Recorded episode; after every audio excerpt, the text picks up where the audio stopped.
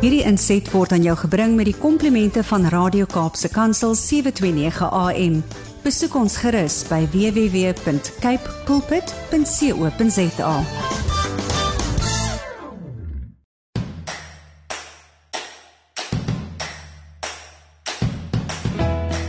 Jy is ingeskakel by Kaapse Kansel 729 AM. Dit beteken jy luister na Landbou Landskap want dit is sopas 7 uur op die horlosie gewees. Hartlike goeiemôre van my Willem van Jaarsveld.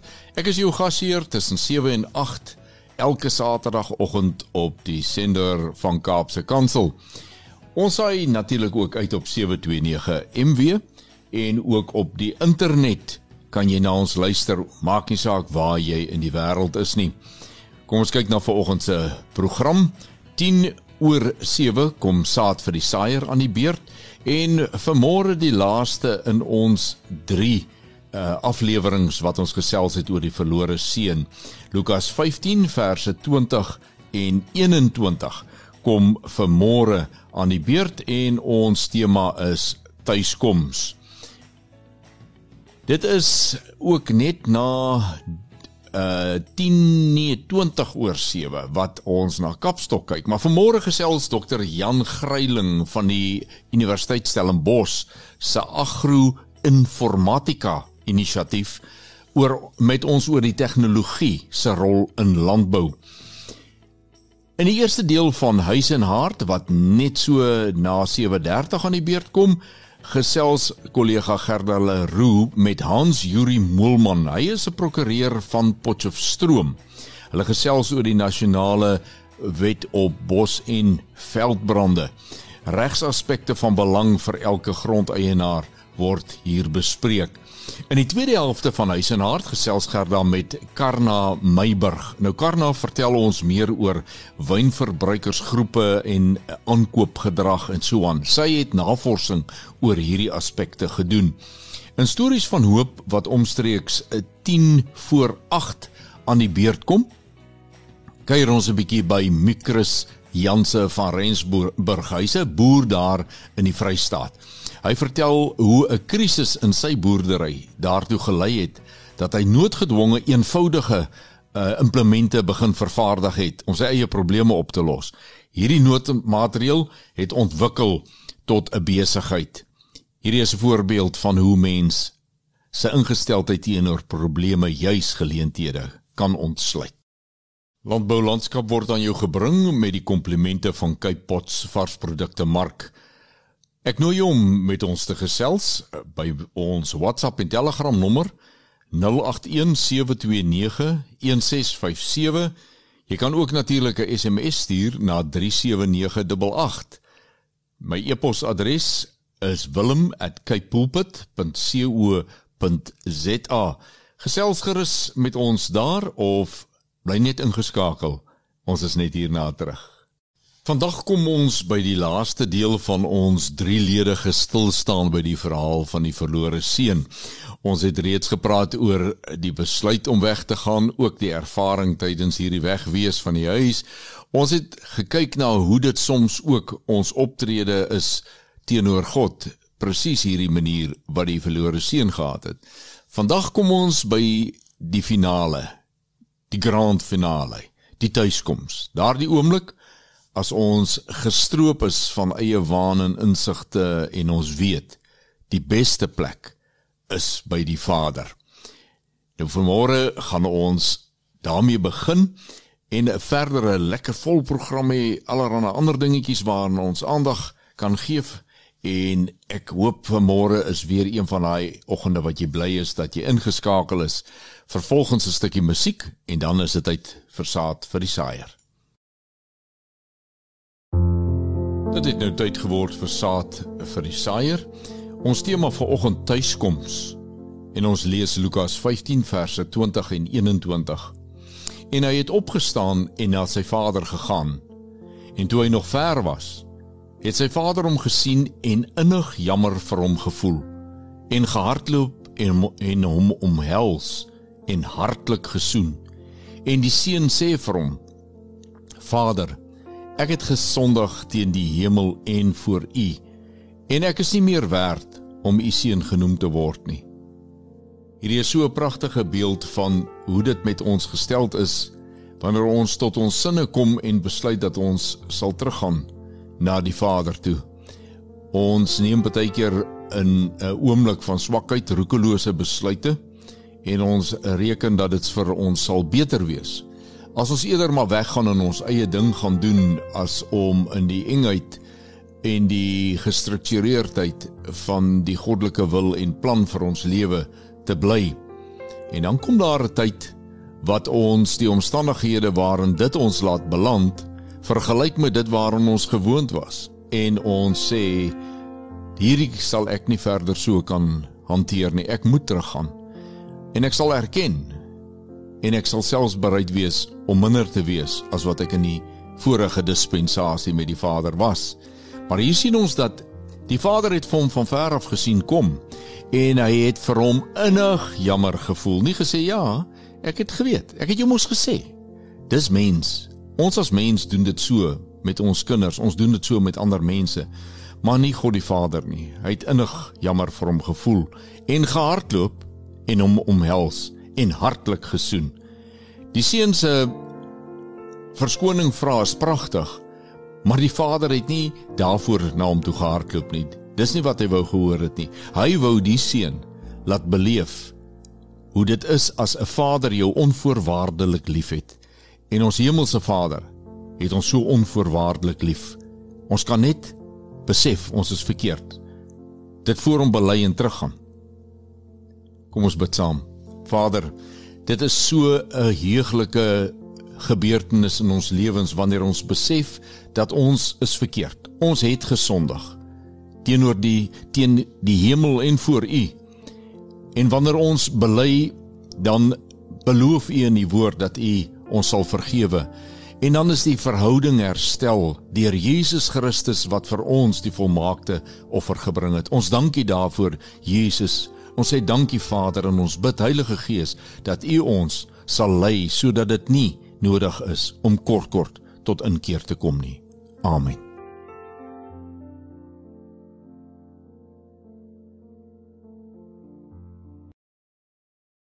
Jy luister na Landbou Landskap op Kaapse Kansel 729 AM en wêreldwyd op die internet.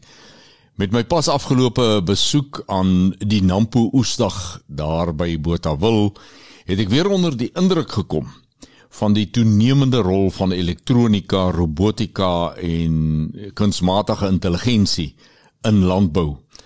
Hoeveel van ons ploë en planters en trekkers en al wat 'n ding is is deesdae toegerus met allerlei goed wat ons nie aangewoond was vroeër jare nie. So erg dat 'n mens soms staan en wonder waarheen is alles op pad en waar gaan dit eindig? En jy besef hierdie is 'n pad waarop ons gekom het. Daar's nie omdraai kans nie. Nou vanmôre gesels dokter Jan Gryiling oor een van hierdie sake en hy verbreed ons kennis hieroor in die volgende bydra. Ek gesels met dokter Jan Gryiling. Hy's hoof by die Universiteit Stellenbosch se Agro-informatika Inisiatief en 'n dosent by die Departement Landbou-ekonomie. Dokter Jan, hartlik welkom op ons program. Goeiedag Gerda, lekker om hier te kan wees. Jan, ek wil vandag met jou praat oor digitale gereedskap en die impak daarvan op voedsel, landbou en natuurlike hulpbronne. Nou, wat is die tegnologie wat boere tans gebruik? Ja, Gerda, dit kom eintlik op 'n goeie tyd. Ek is op die oomblik besig met 'n navorsingsprojek waar ons juist daai vraag vra en kollegas van my vra dieselfde vraag in Duitsland en in Kanada en in Mexiko. Daar's verskillende maniere om daarna te kyk op die oomblik in Suid-Afrika gebruik baie van ons boere allerlei sekuriteitstegnologie, sluit in kameras, sommiges het 'n opvoeringstoestel met voertuie en skape en so voort.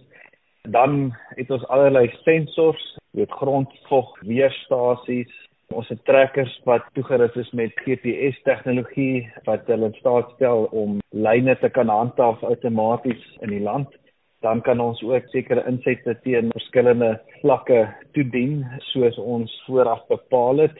Dan is daar allerlei afstand waarnemingstoerusting satelliete mommeltuie oftewel drones rondom beelde wat hulle versamel en ek het nou die dag met 'n boer gepraat wat ook van sy landerye daarmee spuit. So ja, so daar's eintlik 'n wye verskeidenheid van tegnologieë en dit dit raak eintlik net meer. Ja, wat is die tegnologie van die toekoms?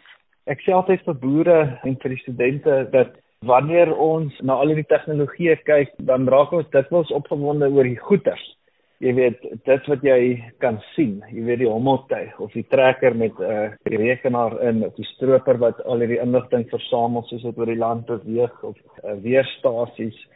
Maar die feit is dat al hierdie verskeie toestelle het een ding met mekaar gemeen en dit is dat hulle data eintlik versamel.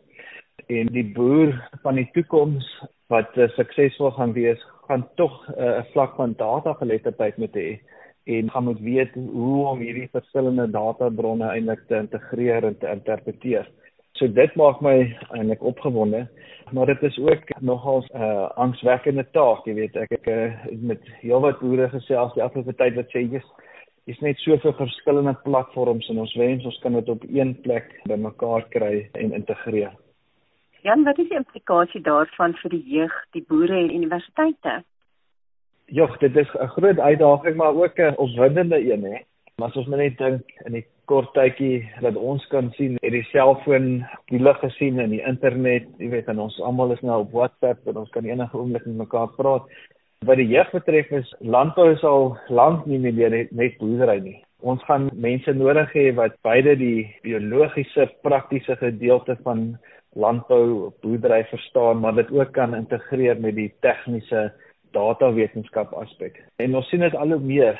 Die wêreld is besig om weg te beweeg van iemand wat aanleenlik 'n datawetenskaplike is of iemand wat alleenlik 'n landbouwetenskaplike is, maar ons soek al hoe meer mense wat eintlik beide van daai vaardighede het. En dis ongelooflik om te sien wat ChatGPT en al die ander kunsmatige intelligensie modelle eintlik kan doen. En hierdie modelle gaan baie van die tegniese aspekte eintlik outomatiseer So dan gaan ons eintlik mense ook nodig hê wat die praktiese deel verstaan en hierdie hulpbronne eintlik goed kan aanwend. Wat boere betref, jy weet daar's soveel verskillende databronne soos ek nou net gesê het. 'n Mens gaan moet gemaklik raak om met hierdie databronne te werk om dit te integreer en besluite te neem daarmee. Die tipe van ondersteuning wat boere ook gaan hê, jy weet, gaan 'n bietjie skuif. Soos Op die oomblik het alle boere iemand wat hulle plantbeskermingsmiddels verskaf of hulle kunsmis of hulle saad, maar daar sal ook 'n rol wees vir 'n 'n data konsultant soos 'n boekhouer. Ek dink dit is iets wat baie opwindend is en ons gaan help om die volgende fase in te beweeg. Jan, dankie vir jou saamgesels vandag en dankie vir die werk wat julle doen en dat julle investeer in ons jong mense. Baie sterkte met dit wat julle doen daar by die universiteit en die studies. Ag baie dankie. Net so ten slotte, ek is maar net weer die afgelope tyd herinner daarvan dat ons land eintlik van die beste boere in die wêreld het en uh, dis 'n voorreg om hulle ook te kan ondersteun. Ek stem 100% met jou saam. En nou laastens, as daar van ons luisteraars is wat graag 'n bietjie meer inligting wil hê oor dit wat ons gesels het, waar kan jy gekontak word? Ja, ons gesels graag en altyd as ek uitgenooi word, jy weet, leer ek eintlik net soveel soos ek ook die ander party doen. So julle is welkom om ons webtuiste te besoek. Julle kan soek vir die fakulteit Agriwetenskappe by die Universiteit van Stellenbosch of julle is welkom om vir my e-pos te stuur by jan.cg@sun.ac.za. So Jan CG@ of by s un.ac.za of indien jy dit sou verkies, skakel my gerus by 021 808 3985. 021 808 3985. Baie dankie. Huisenhart wat net hierna aan die beurt kom, bring vir ons vandag so 'n bietjie kennis oor veldbrande en wyn. Nou Hans Juri Moelman lig vir ons aspekte uit wat van belang is wanneer die wet op bos en veldbrande ter sprake kom. Veral in die lig van die droë seisoen is dit baie belangrik om hiervan kennis te neem. Nou ek het verlede week het ek aan hierdie uh opname gedink toe ek afgesluit het en gesê het ons het veld ons het brandbestryding gedoen ook in die program. Nee, ons doen dit sommer vandag. Jammer vir daai foutjie. En dan wynverbruikersgroepe en hulle aankoopgedrag kom uh, daarna onder die vergrootglas. Ons hoor 'n bietjie van navorsing wat oor hierdie saak gedoen is. Bly ingeskakel na die volgende stukkie musiek. Is dit tyd vir huis en hart hier op Landbou Landskap. Ek gesels met Anjuri Moelman, hy is direkteur van Moelman en Pina Prokureurs ingelyf in Potchefstroom. Anjuri, hartlik welkom op ons program. Hallo Gerda, is baie lekker om weer met jou te gesels. Dit is 'n rukkie wat ons laas gesels het, maar ja, ek sien uit om 'n bietjie met jou 'n paar goed te gesels. Want hierdie groot dele van ons land word jaarliks deur weggehol veldbrande getuister en baie van ons boere word daardeur geraak. Talle hofsaake is al gevoer weens die skade deur hierdie veldbrande. Wat is die algemene bepalinge wat belangrik is in die nasionale wet op veld- en bosbrande wat met regtens in ag geneem word? Gerda, ja, dis 'n interessante wet. Dis soos dit maar altyd met wetgewing gaan.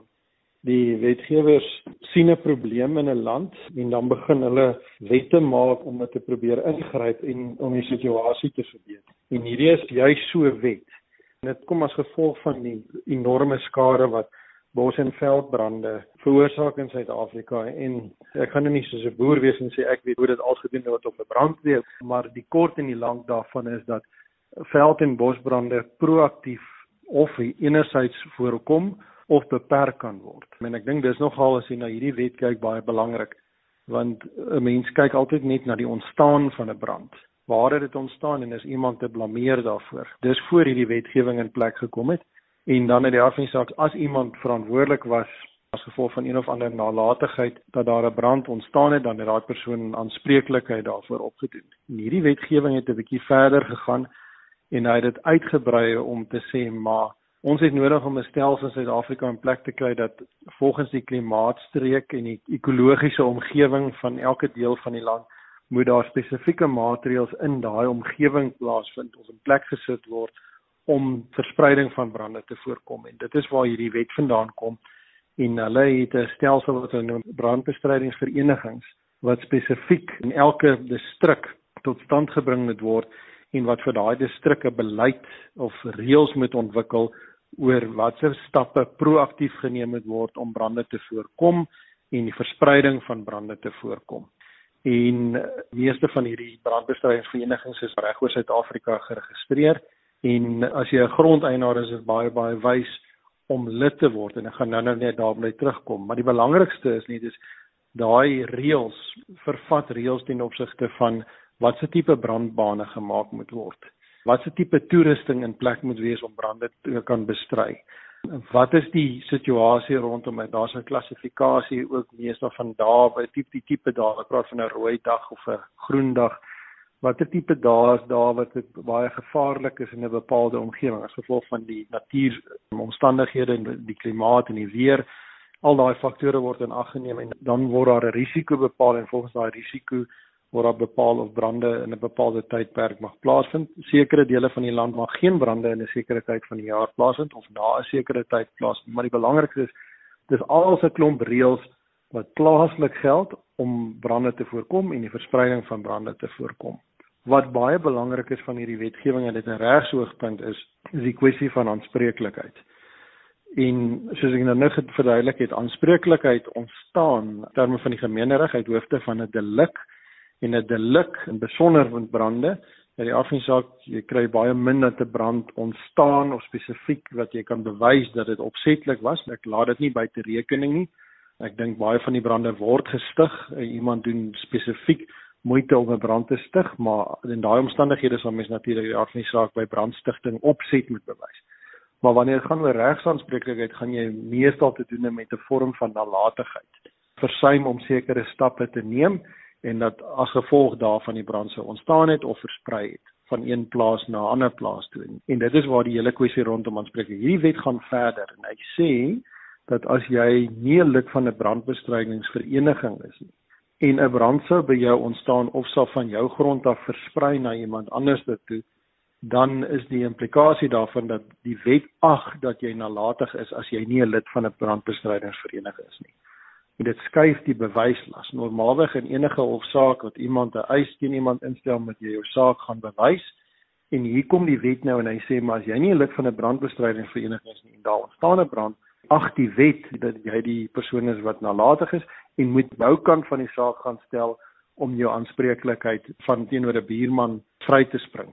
Ek dink dis een van die mees ingrypende bepalinge van hierdie wet en hoekom ek dink dit wys is om buiten dat 'n mens in ieder geval uit 'n medemenslikheidsoogpunt nie brande sou wel laat ontstaan of laat versprei na ander mense se grond nie, maar ook om jou jou eie bates of jou eie eiendom te beskerm te verhoed dat hierdie vermoede teen jou werk. Want as dit sou gebeur dat iemand kan bewys dat 'n brand versprei het van jou grond en op 'n aangrensende plaas byvoorbeeld waar daar bosbou is, miljoene rande se skade aangedoen is, dan gaan jy 'n bepaalde probleem hê want dit kan jou hele boerderyaktiwiteite ingedra word. Die ander rede ook hoekom dit belangrik is en dit gaan oor aanspreeklikheidsversekering spesifiek ten opsigte van brande. Meeste versekeringsmaatskappye se polisvoorwaardes vereis dat indien jy versekeringsdekking wil hê van die versekeringsmaatskappy, moet jy 'n lid van 'n brandbestrydingsvereniging wees, juis as gevolg van daai vermoede en uit die aard van die saak om ook seker te maak dat ten opsigte van jou eie eiendom dat jy sekere basiese maatreëls in plek het om brande te voorkom. 'n Ander belangrike ding wat mense in gedagte moet hou is dat as 'n brand versprei, baie brande het ek al gesien ontstaan op plase byvoorbeeld oor mense wat naby 'n woning warm as in die veld sou gooi terwyl die wind waai. En dan steek dit die veld in die brand en koers voorlank versprei daai brand na ander grond. En dis nou buite in die gevalle van brandstigting. En dan afsien saak brand daai grond van een persoon se eiendom na ander eiendom toe En dan as daar byvoorbeeld nie 'n brandbaan was of daar nie voorkomende maatreëls was om daai brand te stop of te keer of 'n brand te maak wat terugbrand na die brand om die verspreiding te keer nie, kan dit hierdie tipe van aanspreeklikheid laat ontstaan.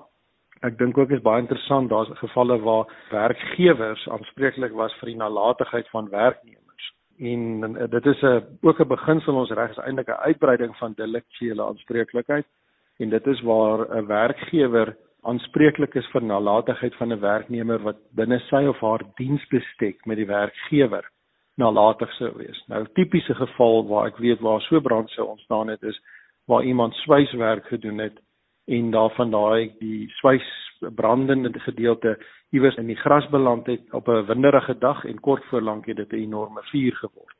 In daai geval sal die werkgewer aanspreeklik wees teenoor persone wat vir wie daai brand skade aanrig as gevolg van die nalatigheid van die werknemer. En nalatigheid binne daai konteks se gewees het om dat die reg van jou sou verwag het dat om enerzijds te weet dat jy werk met iets wat vlambaar is of wat vlamme kan veroorsaak, daarmee saam was jy nalatig om swyswerk byvoorbeeld te gaan doen in die middel van die veld of nie op 'n oop stuk grond waar daar nie brandbare materiaal was nie. Dis net maar 'n paar praktiese voorbeelde. Ek dink op die ou end is dit net baie belangrik dat 'n mens verstaan wat in hierdie wet aangaan as jy 'n grondeienaar is want jy is primêr verantwoordelik om lid te word van die brandbestrydingsvereniging om daai maatreëls wat voorgeskryf word in plek te stel en dat mense saamwerk om hierdie absolute vernietigende gebeurtenis wat ons elke jaar in Suid-Afrika en juis in die Vrystaat het ons dit nou verlede jaar gesien Vrystaat en sekere dele van Noordwes om dit te voorkom en die leed nie net vir mense nie maar ook ten opsigte van diere dit is vir my die mees skrikwekkendste ding om te sien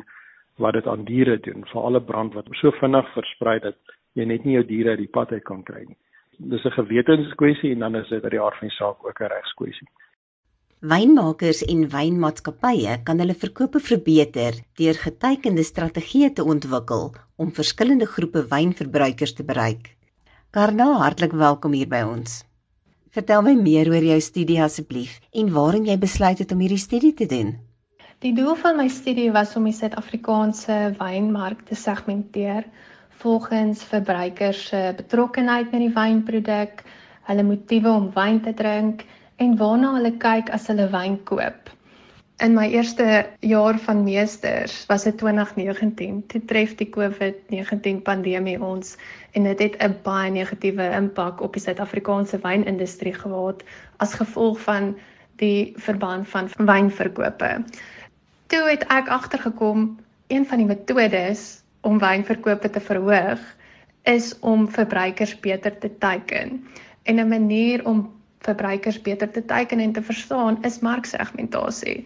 So dit het my laat besluit en my gemotiveer om hierdie studie te doen. Karna, nou jy het genoem dat jy verskillende verbruikersgroepe volgens hulle betrokkeheid by wyn, hulle motiewe vir die drink van wyn en hulle aankoopgedrag ondersoek het. Watter marksegmente het jy identifiseer?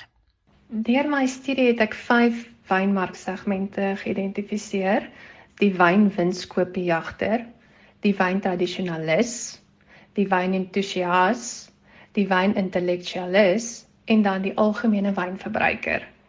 Kan jy elkeen so kortliks vir ons bespreek asseblief? Met graagte Gerda. Die wynwinskoopjagter is 'n volwassene wat ongeveer 35 tot 36 jaar oud is. Hulle het 'n medium betrokkenheid met die wynproduk en hulle het ook 'n paar motiewe om wyn te drink. Dit is vir pret, soos byvoorbeeld by 'n feesviering of om dit saam met kos te geniet of vir geselligheid om te sosialiseer. Hulle baseer hulle aankoopsbesluit hoofsaaklik op winskoopies. So hulle is ook altyd op soek na afslagpryse of promosies ensovoorts. Dan het ons die wyntradisionalis wat 'n middeljarige is van ongeveer 46 jaar oud. Hierdie verbruiker het 'n lae tot medium betrokkenheid met die wynproduk en die motief wat hierdie segment bo ander laat uitstaan in terme van hulle wynverbruik is dat hulle wyn drink vir tradisie. So dit wil sê hulle wynverbruik is gekoppeld aan familietradisie. Dit kan beteken dat hulle uit 'n wynverbruik in 'n huishouding kom of wynverbruik kan net vir hulle gewoonte wees. En wanneer hulle wyn koop, kyk hulle na erfenis as 'n um, eienskap van wyn. In ander woorde, hulle kyk na die wynproduseerder of die produksiemetodes, waar kom die wyn vandaan en hoe is dit gemaak? Dan derdens is daar die wynentoesias. Hierdie is 'n volwassene tussen die ouderdom van 37 tot 38 jaar en hulle het 'n ultra hoë betrokkenheid met die wynproduk. Hulle het die hoogste betrokkenheid van al die geïdentifiseerde wynsegmente. So dit wil sê hulle het baie kennis oor wyn, hulle hou daarvan om meer te leer oor wyn en hulle neem ook graag deel aan wynverwante gebeurtenisse soos 'n wynproe of 'n wyntoer of 'n wynfees. Hulle het baie motiewe om wyn te drink, van ontspanning tot gesondheid tot pret tot tradisie kos alles. Wyn is deel van hulle leefstyl. Dan wanneer hulle wyn koop, oorweeg hulle baie produkeienskappe soos kultivar of oesjaar of handelsmerk. Hulle luister ook na die aanbevelings van ander mense soos familie, vriende, verkoopsmense en hulle baseer ook hulle aankope op erfenis soos ons genoem het wat die produksiemetodes is van wyn en graderings in ander woorde hoe hierdie wyn presteer, het hulle toekenninge gekry ensovoorts. Die oorblywende twee segmente is die wynintellektualis en die algemene wynverbruiker. Nou die wynintellektualis is besig om hulle middeljare te betree. Hulle is ongeveer so 39 jaar oud en hulle het 'n hoë betrokkenheid met die wynproduk. Alhoewel die die wynentoesiaste ultra hoë betrokkenheid het, het hierdie segment 'n hoë betrokkenheid. Hulle is gedrewe om wyn te drink vir intellektuele uitdagings. So dis een van hulle hoofmotiewe vir wynverbruik. Hulle waardeer die intellektuele stimulasie van die verskillende variëteite van wyn en hulle hou van verskeidenheid en smake en teksture. Omdat die wyn so 'n komplekse produk is, geniet hulle die kompleksiteit van hierdie produk. En dan laastens die algemene wynverbruiker is middeljarig met 'n ouderdom van omtrent 42 jaar en hulle het 'n lae betrokkenheid met die wynproduk. Hulle stel die minste van al die segmente belang in die wynproduk en hulle het net 'n basiese kennis oor wyn. Hulle drink wyn per geleentheid ook vir pret by 'n byeenkoms of met 'n ete. Maar as hulle wyn koop, gaan hulle net na basiese eienskappe kyk, soos 'n prys of 'n handelsmerk en hulle gaan nie vooraf baie dinge oorweeg in hulle aankoopsbesluit nie. Watter aanbevelings sou jy maak ten opsigte van elkeen van hierdie marksegmente? Ek sal die volgende aanbevelings maak in terme van bemarking en hoe om elkeen van die wynmarksegmente te bereik. Met die wynwinskoopjagter sal ek sê fokus op sosiale media. Hierdie segment is sosiaal en hulle is jonk en mense kan hulle bereik deur sê nou maar byvoorbeeld beïnvloeder bemarking op sosiale media want hulle gaan dit moontlik raak sien omdat hulle sosiaal is, is hulle baie aktief op sosiale media.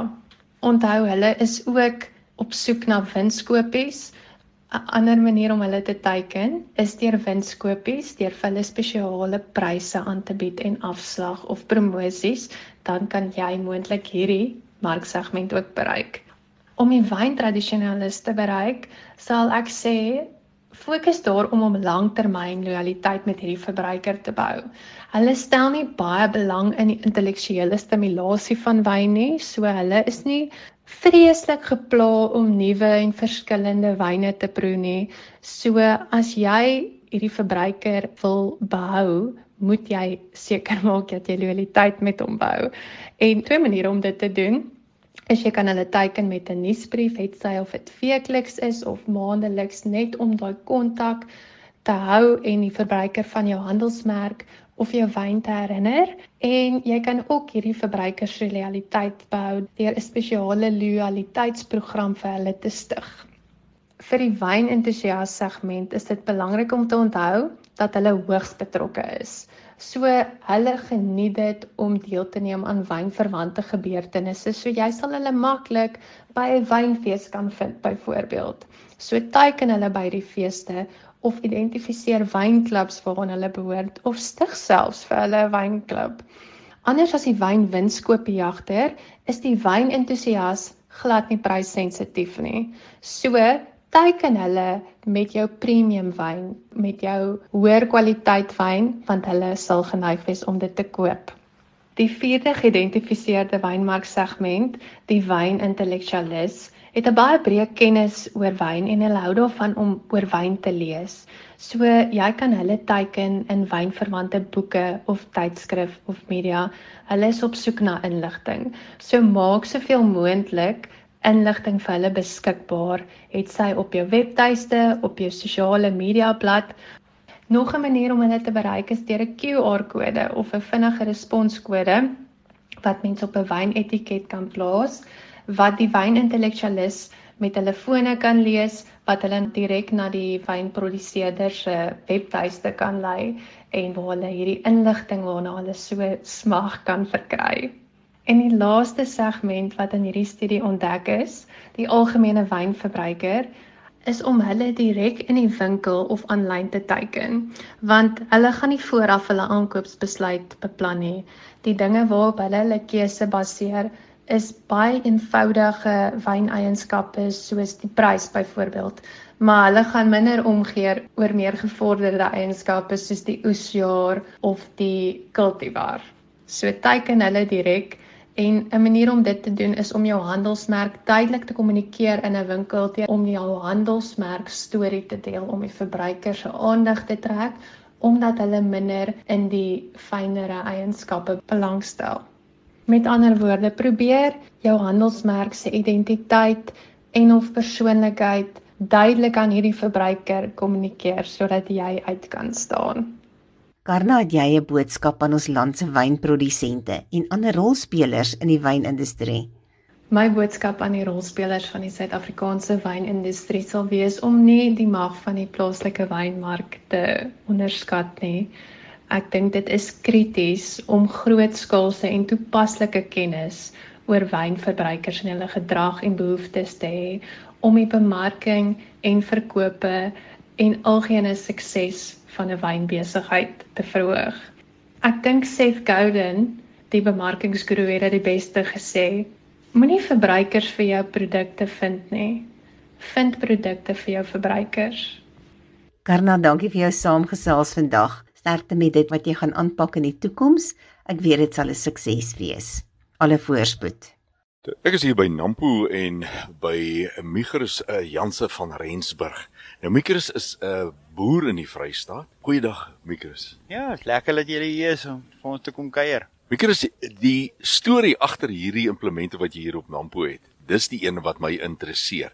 Vat ons gou 'n bietjie van waar het dit begin? Die hele begin van wat ons nou hier sien lyk anders as hierdie. Ja, nee, absoluut. Dis nou al 'n hele paar jaar wat ek nou uitstal, maar ou ou te neder, nederige begin gehad daar by boerepatente wat ou uh ek het die eerste jare 'n hand mielieplantertjie daar gehad wat ek vir myself ontwerp het maar self gesukkel het met uh mielies wat nie almal daar was nie ooreed 'n buurman vir my om my om die boerepatent te gaan inskryf en toe wen ons daai kompetisie en en van daar af het dit net gegroei eh, tot waar ek vandag my eie stalletjie het. Ek was dankbaar daarvoor.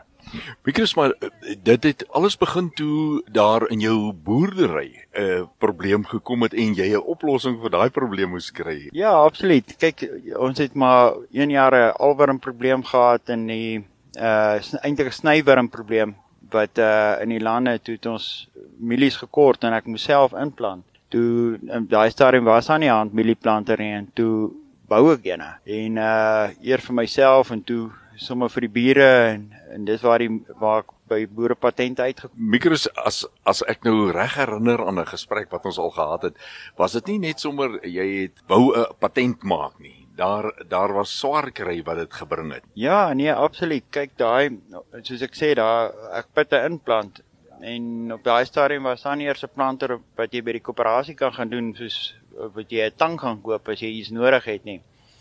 Uh ek het eers met saam met werkers met 'n stokkie en 'n vinger geplant, maar daar daai aan toe besef ek nee, ek gaan nie so so plant nie. Ek ek moet 'n plan maak en hy en hy selle aan toe bou ek met daai plant daai inboetplanter. Volgende dag toe toe het ons een en, en sien hy werk en toe bou ek nog. Maar die bure het ook gesien dit werk, nê? Nee. Ja, nee, absoluut. Toe hy weer sien toe uh toe ek toe hy hy sien hom toe eers en hy sê hy sou vir my in my plek om plan as ek vir hom paar gaan bou. So dit al al alles begin met 'n hand mielieplanter. Hulle sê uh John Deere het met 'n ploeg begin, Backsavers het met 'n handplanter begin. Ja, en en die die ander ding is jy het toe gesien dat maar hier is 'n leemte. Ons is nie almal groot kommersiële boere in hierdie land nie. Daar is 'n groot kontingent van ons mense wat toegang tot grond het, maar wat nie toegang tot kapitaal het om duur toerusting te koop nie.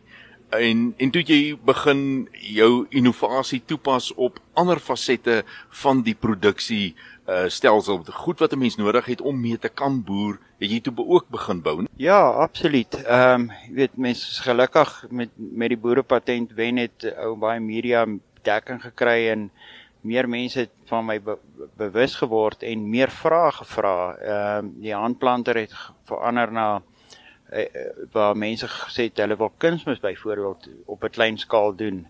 En ek het daar ontwikkeling gedoen en een ding het na die ander gelei, weet en en ou al hoe meer besef hoe baie nood daar is uh in kleiner boere om om sonder kapitaal wat hulle nie groot trekkers het en goed om om die regte tipe produkte uh daar te hê vir hulle wat die, wat die, wat die toediening reg doen. Ehm uh, en en wat lekker is in in my bedryf is daar soveel ehm um, vrae en en en en behoeftes en al wat ek kon doen is heeltyd is om die behoeftes in die in die in die probleme op te los vir vir ander. Mikros wat my interesseer is as ek sien die eenvoud van die werktuig maar die akkuraatheid waarmee die toedienings die spasiering van pitte, die spasiering van saad dan nou, die spasiering of toedienings uh volumes van jou kunsmis en dis meer. Jy hou altyd die die regte praktyk in gedagte in die eenvoud wat jy bou. Ja, absoluut. Ek het gaan sit en gedink, jy weet, uh die die reëls wat 'n 1 hektaar boer en 'n 1000 hektaar boer moet volg is presies dieselfde. Pitspasiering, diepte, kunsmis toediening, die hoeveelheid kalibrasie en ek het net probeer kyk dat ek in my kleinboer produkte daai kalibrasie in in in werk dat hy sy sy uh, opbrengs basies dieselfde kan wees as 'n kommersiële boer. Dis baie baie belangrik en intussen het jy markte diep in Afrika penetreer. Wat is die verste wat van hierdie produkte van jou al gegaan het in Afrika aan? Ja, nee, my verste is seker Magana, uh wat ek reg 'n lekker uh kontrak en goed gehad het. Uh, Zambië is 'n baie mooi mark. Ehm uh, maar Suidelike Afrika, so Lesotho oral basies is is my produkte. Ja, en as ek net dink hoe ons sukkel om in Suid-Afrika 'n deurslag te kry met opkomende boere en om hulle te kommersialiseer, dan lyk dit vir my hierdie produk het 'n baie baie wonderlike toekoms in ons land. Is dit min of meer jou projeksies? Ja, absoluut. Ek het agtergekom die jou regte ou klein kleinboer, sukkelboer, ehm uh, sukkel maar nog altyd.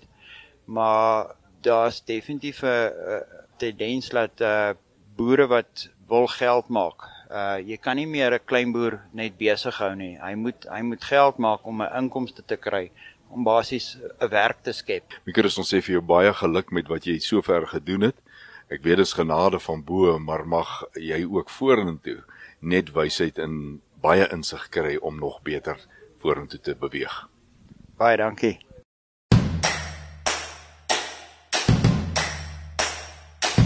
Dis so kom ons aan die einde van vandag se landbou landskap. Dit was vir my lekker om saam met jou hier te kuier. Radio Kaapse Kansel nooi jou om uh, die volgende Saterdag tussen 7 en 8 weer by ons aan te sluit vir nog 'n landbou landskap kuiertjie. Baie dankie aan Cape Pots varsprodukte mark wat landbou landskap vir ons moontlik maak. Jy kan met my gesels, met die stasie gesels, hoe jy ook al wil gesels op die nommers wat ek aan die begin van die program verskaf het of ook by die e-posadres wilm@capepulpit.co.za.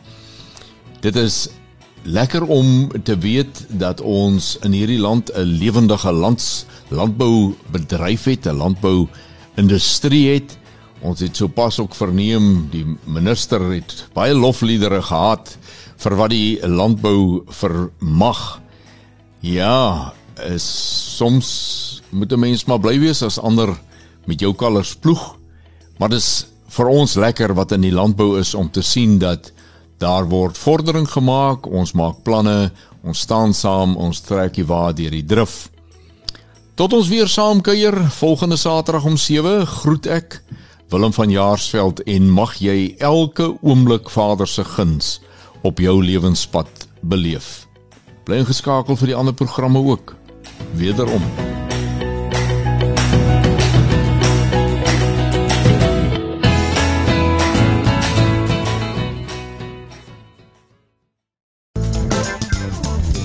Hierdie inset was aan jou gebring met die komplimente van Radio Kaapse Kansel 729 AM.